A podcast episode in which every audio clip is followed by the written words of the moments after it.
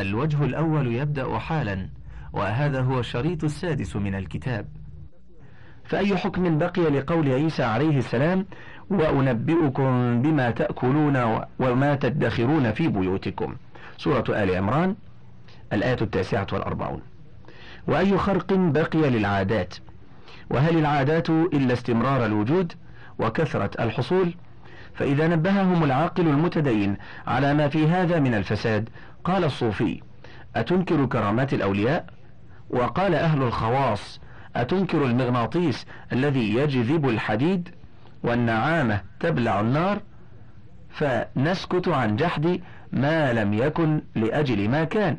فويل للمحق معهم هذا والباطنية من جانب والمنجمون من جانب مع أرباب المناصب لا يحلون ولا يعقدون إلا بقولهم. فسبحان من يحفظ هذه الملة ويعلي كلمتها حتى إن كل الطوائف تحت قهرها إقبالا من الله عز وجل على حراسة النبوات وقمعا لأهل المحال. فصل. ومن الهند البراهمة قوم قد حسن لهم إبليس أن يتقربوا بإحراق نفوسهم فيحفر للإنسان منهم أخدود وتجتمع الناس فيجيء مضمخا بالخلوق والطيب وتضرب المعازف والطبول والصنوج ويقولون طوبى لهذه النفس التي تعلق إلى الجنة. ويقول هو ليكن هذا القربان مقبولا ويكون ثواب الجنة. ثم يلقي نفسه في الأخدود فيحترق. فإن هرب نابذوه ونفوه وتبرأوا منه حتى يعود. ومنهم من يحمي له الصخر. فلا يزال يلزم صخرة صخرة حتى يثقب جوفه ويخرج معاه فيموت. حاشية. المعى واحد المصرال والجمع أمعاء. والمعاء المعى والجمع أمعية. انتهت الحاشية. ومنهم من يقف قريبا من النار إلى أن يسيل ودكه. حاشية. الودك دسم اللحم ودهنه الذي يستخرج منه. وودك الميتة ما يسيل منها. انتهت الحاشية. فيسقط. ومنهم من يقطع من ساقه وفخذه قطعة وتلقى إلى النار. والناس يزكونه ويمدحونه ويسألون مثل مرتبته حتى يموت. ومنهم من يقف في أخفاء البقر إلى ساقه ويشعل النار فيحترق. حاشية. الأخفاء جمع خفي وهو ما يرمي به البقر أو الفيل. انتهت الحاشية. ومنهم من يعبد الماء ويقول هو حياة كل شيء فيسجد له. ومنهم من يجهز له أخدود قريب من الماء فيقع في الأخدود. حتى إذا التهب قام فانغمس في الماء ثم رجع إلى الأخدود حتى يموت. فإن مات وهو بينهما حزن أهله وقالوا حرم الجنة. وإن مات في أحدهما شهدوا له بالجنة. ومنهم من يزهق نفسه بالجوع والعطش فيسقط أولا عن المشي ثم عن الجلوس. ثم ينقطع, ينقطع كلامه ثم تبطل حواسه ثم تبطل حركته حتى يخمد. ومنهم من يهيم في الأرض حتى يموت. ومنهم من يغرق نفسه في النهر. ومنهم من لا يأتي النساء ولا يوارى إلى العورة. ولهم جبل شاهق تحته شجرة وعندها رجل بيده كتاب يقرأ فيه يقول طوبى لمن ارتقى هذا الجبل وبعج بطنه وأخرج أمعاءه بيده. حاشية؟ بعج البطن بعج شقه فبرزت أحشاؤه. انتهت الحاشية. ومنهم من يأخذ الصخور فيرد بها جسده حتى يموت. حاشية يقال رضه رض دقه جريشة أو كسره. انتهت الحاشية. والناس يقولون طوبى لك. وعندهم نهران. فيخرج أقوام من عبادهم يوم عيدهم. وهناك رجال فيأخذون ما على العباد من الثياب ويبطحونهم فيقطعونهم نصفين ثم يلقون أحد النصفين في نهر والنصف الآخر في نهر ويزعمون أنهما يجريان إلى الجنة. ومنهم من يخرج إلى براح ومعه جماعة يدعون له ويهنئونه بنيته. فإذا أضجر جلس وجمع له سباع الطير من كل جهة فيتجرد من ثيابه. ثم يمتد والناس ينظرون إليه فتبتدره الطير فتأكله. فإذا تفرقت الطير جاءت الجماعة فأخذوا عظامه وأحرقوها وتبركوا بها.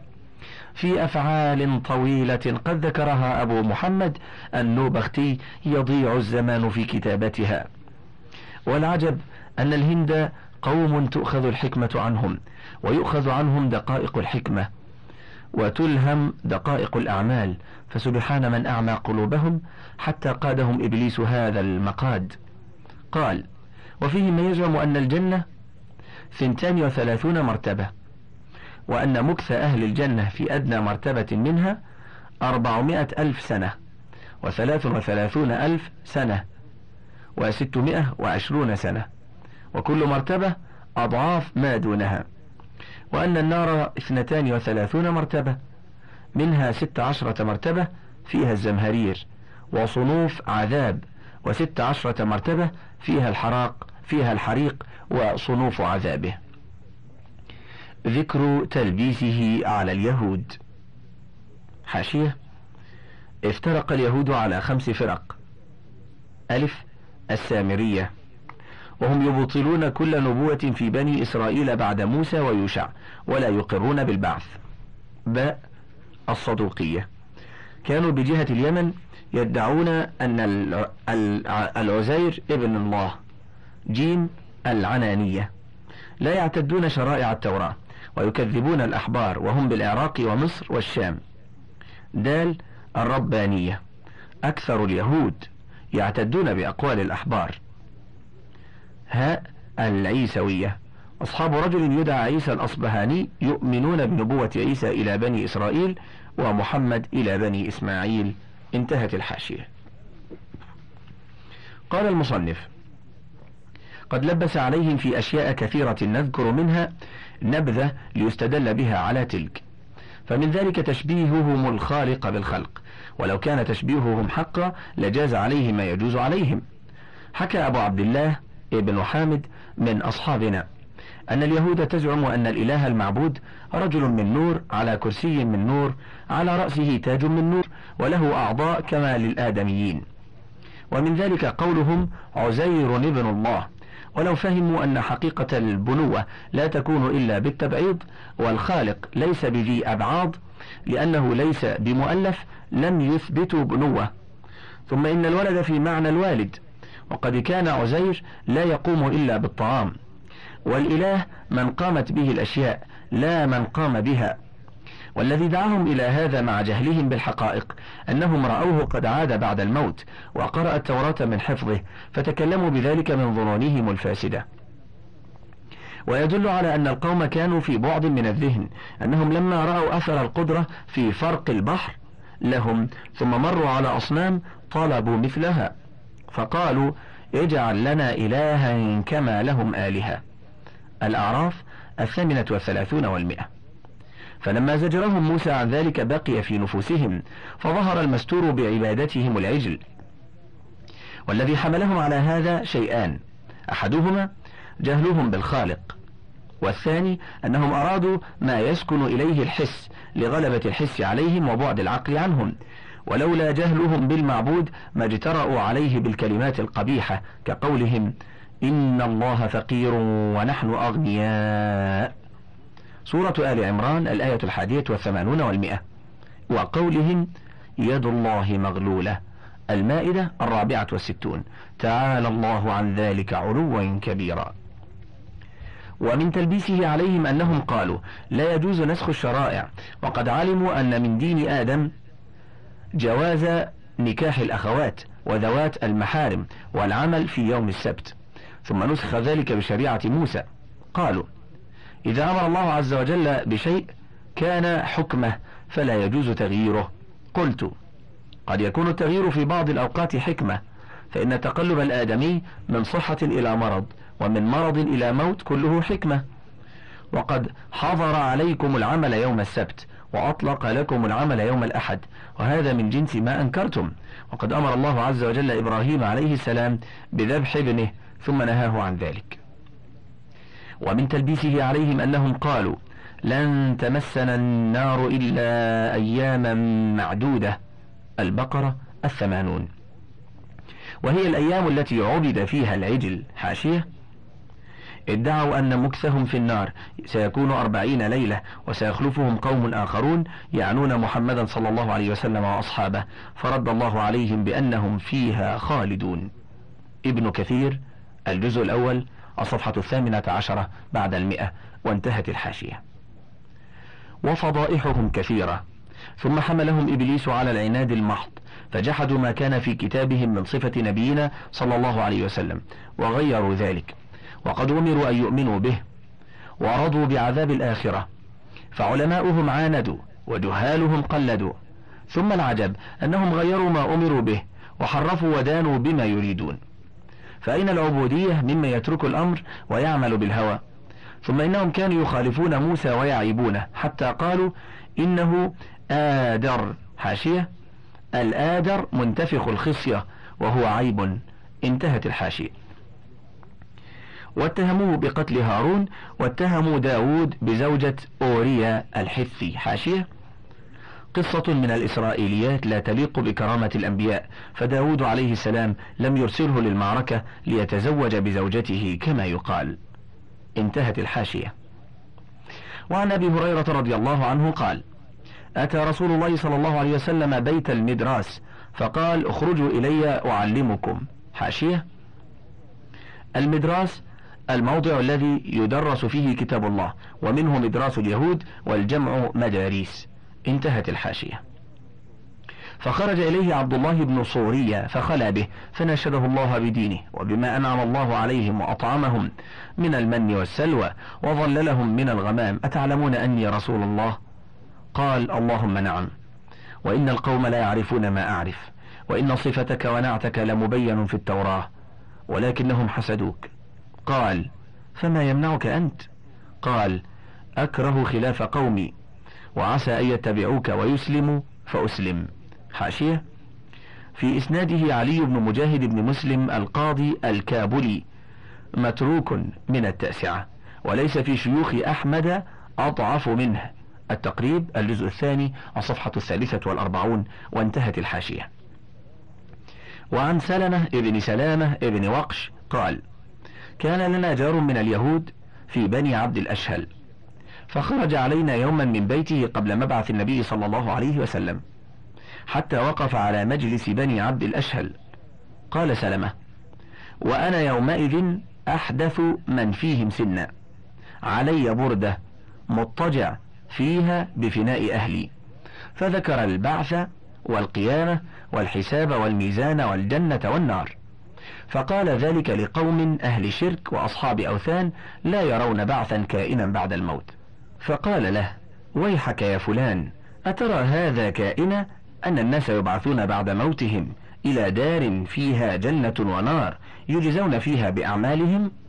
قال نعم والذي يحلف به يود أحدهم أن له لحظة من تلك النار بأعظم تنور في النار يحمونه ثم يدخلونه إياه فيطبقونه عليه وأن ينجو من تلك النار غدا قال له ويحك وما آية ذلك؟ قال نبي مبعوث من نحو هذه البلاد وأشار بيده نحو مكة واليمن. قالوا ومتى نراه؟ قال فنظر إلي وأنا من أحدثهم سنا أن يستنفذ هذا الغلام عمرة يدركه؟ قال سلمة فوالله ما ذهب الليل والنهار حتى بعث الله رسوله صلى الله عليه وسلم وهو حي بين أظهرنا فآمنا به وكفر به بغيا وحسدا. فقلنا له ويلك يا فلان ألست الذي قلت لنا فيه ما قلت؟ قال بلى ولكن ليس به. حاشية. إسناده صحيح. انظر السيرة النبوية لابن هشام في الجزء الأول الصفحة التاسعة والعشرين بعد المئة. انتهت الحاشية. ذكر تلبيسه على النصارى. قال المصنف تلبيسه عليهم كثير فمن ذلك أن إبليس أوهمهم أن الخالق سبحانه جوهر. فقالت اليعقوبية أصحاب يعقوب والملكية أهل دين الملك والنسطورية أصحاب نستورس حاشية. اليعقوبية أصحاب يعقوب البرذعاني كان راهبا بالقسطنطينية. قالوا بالأقانيم الثلاثة إلا أنهم قالوا انقلبت الكلمة لحما ودما فصار الإله هو المسيح وهو الظاهر بجسده بل هو هو وعنهم أخبرنا القرآن الكريم. الملكية والملكائية أصحاب ملكاء الذي ظهر بالروم واستولى عليها ويتبعوه معظم الروم. قالوا إن الكلمة الكلمة اتحدت بجسد المسيح. والكلمة عندهم أقلوم العلم ويدعون أن المسيح قديم أزلي كلي. فمريم ولدت إلها أزليا وفي القرآن الكريم بيان كفرهم. أما النسطورية أصحاب نستورس بطريرك بالقسطنطينية ظهر في زمن المأمون وتصرف في الأناجيل بحكم رأيه وإضافته إليهم وأقواله كفر. انظر الفصل في الملل والنحل لابن حزم. في الجزء الأول الصفحة السابعة والأربعين إلى الستين وانتهت الحاشية. إن الله جوهر واحد أقانيم ثلاثة حاشية. الأقانيم الأصول وأحسبها رومية وهي عند النسطورية الوجود والعلم والحياة. انتهت الحاشية. إن الله جوهر واحد أقانيم ثلاثة فهو واحد في الجوهرية ثلاثة في الأقنومية. فأحد الأقانيم عندهم الأب والآخر الإبن والآخر روح القدس. فبعضهم يقول الأقانيم خواص وبعضهم يقول صفات وبعضهم يقول أشخاص. وهؤلاء قد نسوا أنه لو كان الإله جوهرا لجاز عليه ما يجوز على الجواهر من التحيز بمكان والتحرك والسكون والأوان. ثم سئل لبعضهم أن المسيح هو الله. قال أبو محمد النوبختي زعمت الملكية واليعقوبية أن الذي ولدته مريم هو الإله وسول الشيطان لبعضهم أن المسيح هو ابن الله وقال بعضهم المسيح جوهران أحدهما قديم والآخر محدث. ومع قولهم هذا في المسيح يقرون بحاجته إلى الطعام ولا يختلفون في هذا وفي أنه صلب ولم يقدر على الدفع عن نفسه ويقولون إنما فعل هذا بالناسوت. فهل لا دفع عن الناسوت ما فيه من اللاهوت؟ حاشية. الناسوت الإنسان واللاهوت الإله. انتهت الحاشية. ثم لبس عليهم أمر نبينا محمد صلى الله عليه وسلم حتى جحدوه بعد ذكره في الإنجيل. ومن الكتابيين من يقول عن نبينا إنه نبي إلا أنه مبعوث إلى العرب خاصة. وهذا تلبيس من إبليس. استغفلهم فيه. لأنه متى ثبت أنه نبي فالنبي لا يكذب. وقد قال بعثت إلى الناس كافة. وقد كتب إلى قيصر وكسرى وسائر ملوك الأعاجم. من تلبيس إبليس على اليهود والنصارى. حاشية فيما يتعلق بعقائد اليهود والنصارى والرد عليها وتفنيدها. انظر هداية الحيارة في أجوبة اليهود والنصارى لابن القيم بتحقيقنا. والجواب الصحيح لمن بدل دين المسيح لشيخ الإسلام ابن تيمية رحمه الله. إلى غير ذلك من الكتب المتعلقة بهذا الموضوع. انتهت الحاشية. ومن تلبيس إبليس على اليهود والنصارى أنهم قالوا لا يعذبنا الله لأجل أسلافنا فمنا الأولياء والأنبياء فأخبرنا الله عز وجل عنهم بذلك. نحن أبناء الله وأحباؤه. المائدة الثامنة عشرة. أي منا ابنه عزير وعيسى. وكشف هذا التلبيس. إن كان شخص مطالب بحق الله عليه فلا يدفعه عنه ذو قرابته. ولو تعدت المحبة شخصا إلى غيره لموضع القرابة لتعدى البعض. وقد قال نبينا صلى الله عليه وسلم لابنته فاطمة لا أغني عنك من الله شيئا. حاشية صحيح. البخاري في الوصايا. باب هل يدخل النساء والولد في الأقارب؟ الجزء الخامس صفحة التاسعة والأربعون بعد الأربعمائة. وفي التفسير سورة الشعراء. الجزء الثامن الصفحة الستون والثلاثمائة. وانتهت الحاشية. وإنما فضل المحبوب بالتقوى فمن عدمها عدم المحبة. ثم إن محبة الله عز وجل للعبد ليست بشغف كمحبة الآدميين بعضهم بعضا إذ لو كانت كذلك لكان الآمر يحتمل. ذكر تلبيسه على الصابئين. قال المصنف أصل هذه الكلمة عن الصابئين من قولهم صبأت إذا خرجت من شيء إلى شيء وصبأت النجوم إذا ظهرت وصبأ به إذا خرج والصابئون الخارجون من دين إلى دين وللعلماء في مذاهبهم عشرة أقوال. أحدها أنهم قوم بين النصارى والمجوس. رواه سالم عن سعيد بن جبير وليث عن مجاهد. والثاني أنهم بين اليهود والمجوس. رواه ابن أبي نجيح عن مجاهد. والثالث أنهم بين اليهود والنصارى. رواه القاسم بن أبي بزة عن مجاهد. والرابع أنهم صنف من النصارى ألين قولا منهم. رواه أبو صالح عن ابن عباس. والخامس أنهم قوم من المشركين لا كتاب لهم. رواه القاسم أيضا عن مجاهد. والسادس أنهم كالمجوس قاله الحسن. والسابع أنهم فرقة من أهل الكتاب يقرؤون الزبور. قاله أبو العالية والثامن أنهم قوم يصلون إلى القبلة ويعبدون الملائكة ويقرؤون الزبور قاله قتادة ومقاتل. والتاسع أنهم طائفة من أهل الكتاب قاله السدي. والعاشر أنهم كانوا يقولون لا إله إلا الله وليس لهم عمل ولا كتاب ولا نبي إلا قول لا إله إلا الله قاله ابن زيد. قال المصنف هذه أقوال المفسرين مثل ابن عباس والقاسم والحسن وغيرهم.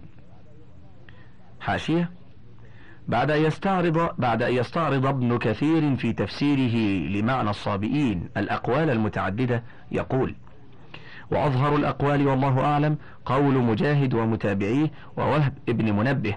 أنهم قوم ليسوا على دين اليهود ولا النصارى ولا المجوس ولا المشركين وإنما هم قوم باقون على فطرتهم ولا دين مقرر لهم يتبعونه ويقتفونه. ولهذا كان المشركون ينبذون من أسلم بالصابئ أي أنه خرج عن سائر أديان أهل الأرض إذ ذاك. وقال بعض العلماء الصابئون الذين لم تبلغهم دعوة نبي والله أعلم. انظر تفسير ابن كثير في الجزء الأول الصفحة الرابعة بعد المئة. وانتهت الحاشية. فأما المتكلمون فقالوا مذهب الصابئين مختلف فيه فمنهم من يقول إن هناك هيولا كان لم يزل ولم يزل يصنع العالم. حاشية؟ الهيولة مادة الشيء التي يصنع منها كالخشب للكرسي والحديد للمسمار. وعند القدماء مادة ليس لها شكل ولا صورة معينة قابلة للتشكيل والتصوير في شتى الصور وهي التي صنع الله تعالى منها أجزاء العالم المادية وانتهت الحاشية. فمنهم من يقول إن هناك هيولى كان لم يزل ولم يزل يصنع العالم من ذلك الهيولى وقال أكثرهم العالم ليس بمحدث وسموا الكواكب ملائكة. وسماها قوم منهم آلهة وعبدوها وبنوا لها بيوت عبادات. وهم يدعون أن بيت الله الحرام واحد منها وهو بيت زحل. وزعم بعضهم أنه لا يوصف الله عز وجل إلا بالنفي دون الإثبات. ويقال ليس بمحدث ولا موات ولا جاهل ولا عاجز. قالوا لئلا يقع تشبيه. ولهم تعبدات في شرائع منها أنهم زعموا أن عليهم ثلاث صلوات في كل يوم. أولها ثمان ركعات وثلاث سجدات في كل ركعة وانقضاء وقتها عند طلوع الشمس. والثاني خمس ركعات والثالث كذلك وعليهم صيام شهر. أوله الثمان ليال يمضين من آذار وسبعة أيام أولها التسع يبقين من كانون الأول. وسبعة أيام. أولها الثمان ليال يمضين من شباط ويختمون صيامهم بالصدقة والذبائح. وحرموا لحم الجزور في خرافات يضيع الزمان بذكرها. وزعموا أن الأرواح الخيرة تصعد إلى الكواكب الثابتة وإلى الضياء وأن الشريرة تنزل إلى أسفل الأراضين وإلى الظلمة.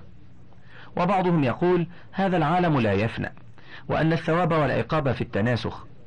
ومثل هذه المذاهب لا يحتاج إلى تكلف في ردها إذ هي دعاوى بلا دليل. وقد حسن إبليس لأقوام من الصابئين أنهم رأوا الكمال في تحصيل مناسبة بينهم وبين الروحانيات العلوية باستعمال الطهارات وقوانين ودعوات واشتغلوا بالتنجيم والتسخير. وقالوا لا بد من متوسط بين الله وبين خلقه في تعريف المعارف والإرشاد للمصالح إلا أن ذلك المتوسط ينبغي أن يكون روحانية لا جسمانية.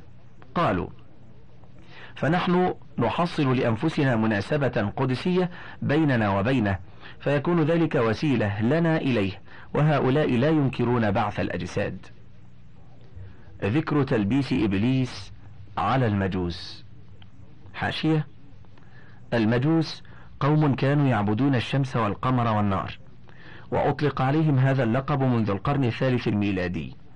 وهم يعظمون النار لمعان منها أنها جوهر شريف علوي ومنها أنها ما أحرقت إبراهيم الخليل عليه الصلاة والسلام. ومنها ظنهم أن التعظيم ينجيهم في المعاد من عذاب النار. وبالجملة فهي قبلة لهم ووسيلة وإشارة وإشارة لأهل الأهواء والنحل وهؤلاء يقابلون أرباب الديانات تقابل التضاد. انتهت الحاشية. قال يحيى بن بشر بن عمير النهاوندي كان أول ملوك المجوس كومرث فجاءهم بدينهم ثم تتابع مدع النبوة فيهم حتى اشتهر بها زرادشت.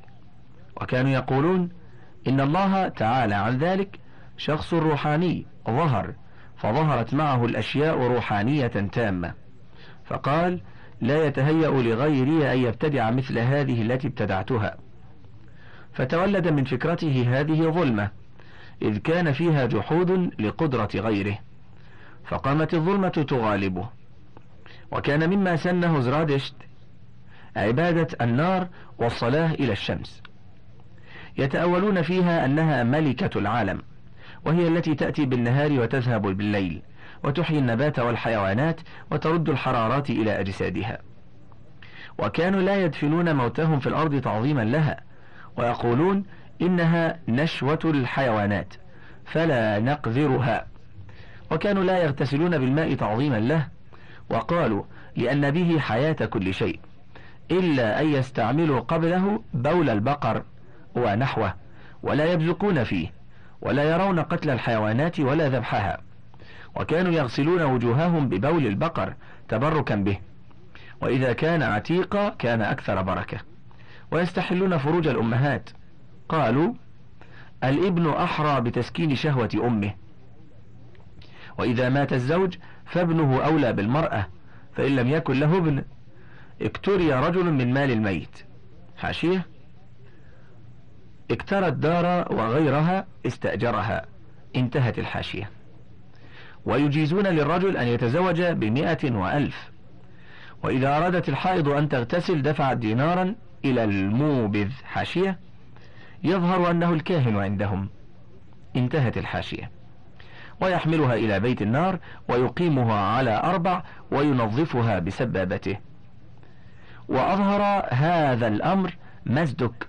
في أيام قباذ وأباح النساء لكل من شاء ونكح نساء قباذ لتقتدي به العامة فيفعلون في النساء مثله.